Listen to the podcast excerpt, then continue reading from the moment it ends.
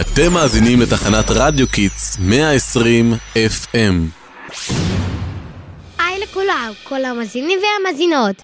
פותחים בשיעור מחשבים של המורה רונית. רצינו לשמוע מהתלמידים מה הם מרגישים לגבי גלישה באינטרנט לקראת שבוע גלישה בטוחה. בוא נדבר עם אחד התלמידים בכיתה, אריאל. מה קורה? תראיינו אותי? באמת? זה ישחרר אותי מלעשות את העבודה הזאת. יאללה, רוצה לספר לנו קצת למה את אוהבת לגלוש באינטרנט? אפשר למצוא אנשים עם תחומי עניין כמו שלך בקלות. גם אפשר למצוא את כל החומרים בשביל כל העבודה בקליק אחד ולא צריך ללכת לספרייה ולנבור כמו פעם. בדוק אני אלרגית לאבק? הייתי משתגעת רק מלחשוב על זה, זה עולה לי. יש משהו שמפריע לך באינטרנט? אמ, אני חושב שלפעמים אנשים נהיים קצת מעצבנים באינטרנט, הם אומרים דברים מגעילים קצת. כן, באינטרנט לאנשים אין פילטר וזה יכול ממש לפגוע. תודה רבה לך, את יכולה לחזור לכתוב את העבודה. לא, למה? טוב. בסדר, תודה לכם. ועכשיו נתחלף בעמדת השידור ונעבור לשדרנים הבאים. יהיה ממש מעניין! תודה, תודה. השתלטנו על עמדת השידור, קבלו אותנו. נמשיך בנושא החשוב של ההסכת, הרי כולנו ברשת. בואו נראיין עוד מישהו. אני אמילי ואני לומדת בכיתה ה' בבית הספר מישור ענות. נעים להכיר. את יכולה לספר לנו מה עוזר לך להרגיש בטוחה כשאת גולשת באינטרנט? שאלה מעניינת. אני חושבת שמה שהכי חשוב לי זה להיות על private וגם לידע את ההורים. זה מה שעוזר לי להרגיש ביטחון. תודה על השיתוף. עוד משהו שהיית רוצה לשתף? יש לי חבר שעבר בית ספר בגלל הבריונות שהוא חווה מהילדים בכיתה ברשתות. וואו, זה נשמע נורא. הבית ספר לא עשה כלום? הרבה פעמים הבית הספר בעצמו לא מודע לזה. המורים עצמם לא תמיד נמצאים ברשתות והילדים לא רוצים לספר. אני חושבת שזה חשוב לייצר דרך שבה ההורים והמורים כן מודעים למה שקורה ברשתות האלה. זה יהיה ממש מבאס אם אמא תעקוב אחריי. נכון, אבל יש היום תוכנות שמגלות לך רק משתמשים במילים מסוימות.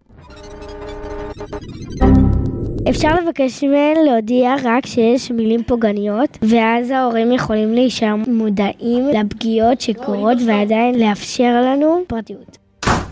לי זה חשוב שיש אופציה לבוא ולשוחח עם המורה או היועצת בלי שכולם ידעו. מורים צריכים לדעת איך לגשת לזה ברגישות ולא לספר מי סיפר להם דברים. שמעתי שבכיתה הבאה, הנה, אלינו מגיעים, לשידור, יש הסכם, הסכם נגד בריונות. אתם מאמינים? נכון, נכון, תודה לכם, אנחנו כיתה A2, ממשיכים מפה לשידור. משהו אחד שעשינו בכיתה שלנו זה הסכם כיתתי נגד בריונות. פעם בשבוע אנחנו עושים שיעור חברה עם המחנכת שלנו ויכולים להעביר אחד לשני פתקים בצורה אנונימית. כן, זה מהמם, אנחנו כותבים אחד לשני דברים נחמדים. אם מישהו רוצה, הוא יכול להעביר פתק על משהו שמפריע לו, ושהמורה קוראת לפני ואז מעבירה לו, וככה אפשר לפתור בעיות בלי השפעה כיתתית או אינטרנט. מה הדברים שהכי חשובים לשים אליהם? חשוב שהורים ומורים ישימו לב אם יש שינוי בהתנהגות של ילד. הוא נהיה מסוגר יותר, או משהו מרגיש לא בסדר, ואז לדבר איתו באופן פרטי. הכי חשוב לזכור שהאינטרנט הוא מאגר עצום ונהדר של מידע, אבל שכל דבר שם נשאר לנצח. נכון, אתם לא יודעים איזה תמונות יש לאימא שלי בפייסבוק שלה, יש תמונה שלה באמצע ביס של המבורגר מביך. לא, לא, אני לא מדברת עלייך. אז צריך להקפיד על דברים שמעלים לרשתות. אבא שלי מדי פעם מסתכל על דברים שאני מעלה, זה ממש מעצבן אותה, אולי זה עדיף. באמת מבאס, אבל נראה לי יותר מבאס לעבור בית ספר בגלל בריונות. לסיכום, אנחנו רוצים שיהיה לנו את החופש להשתמש באינטרנט ולנצל את כל הדברים הטובים שהוא מציע.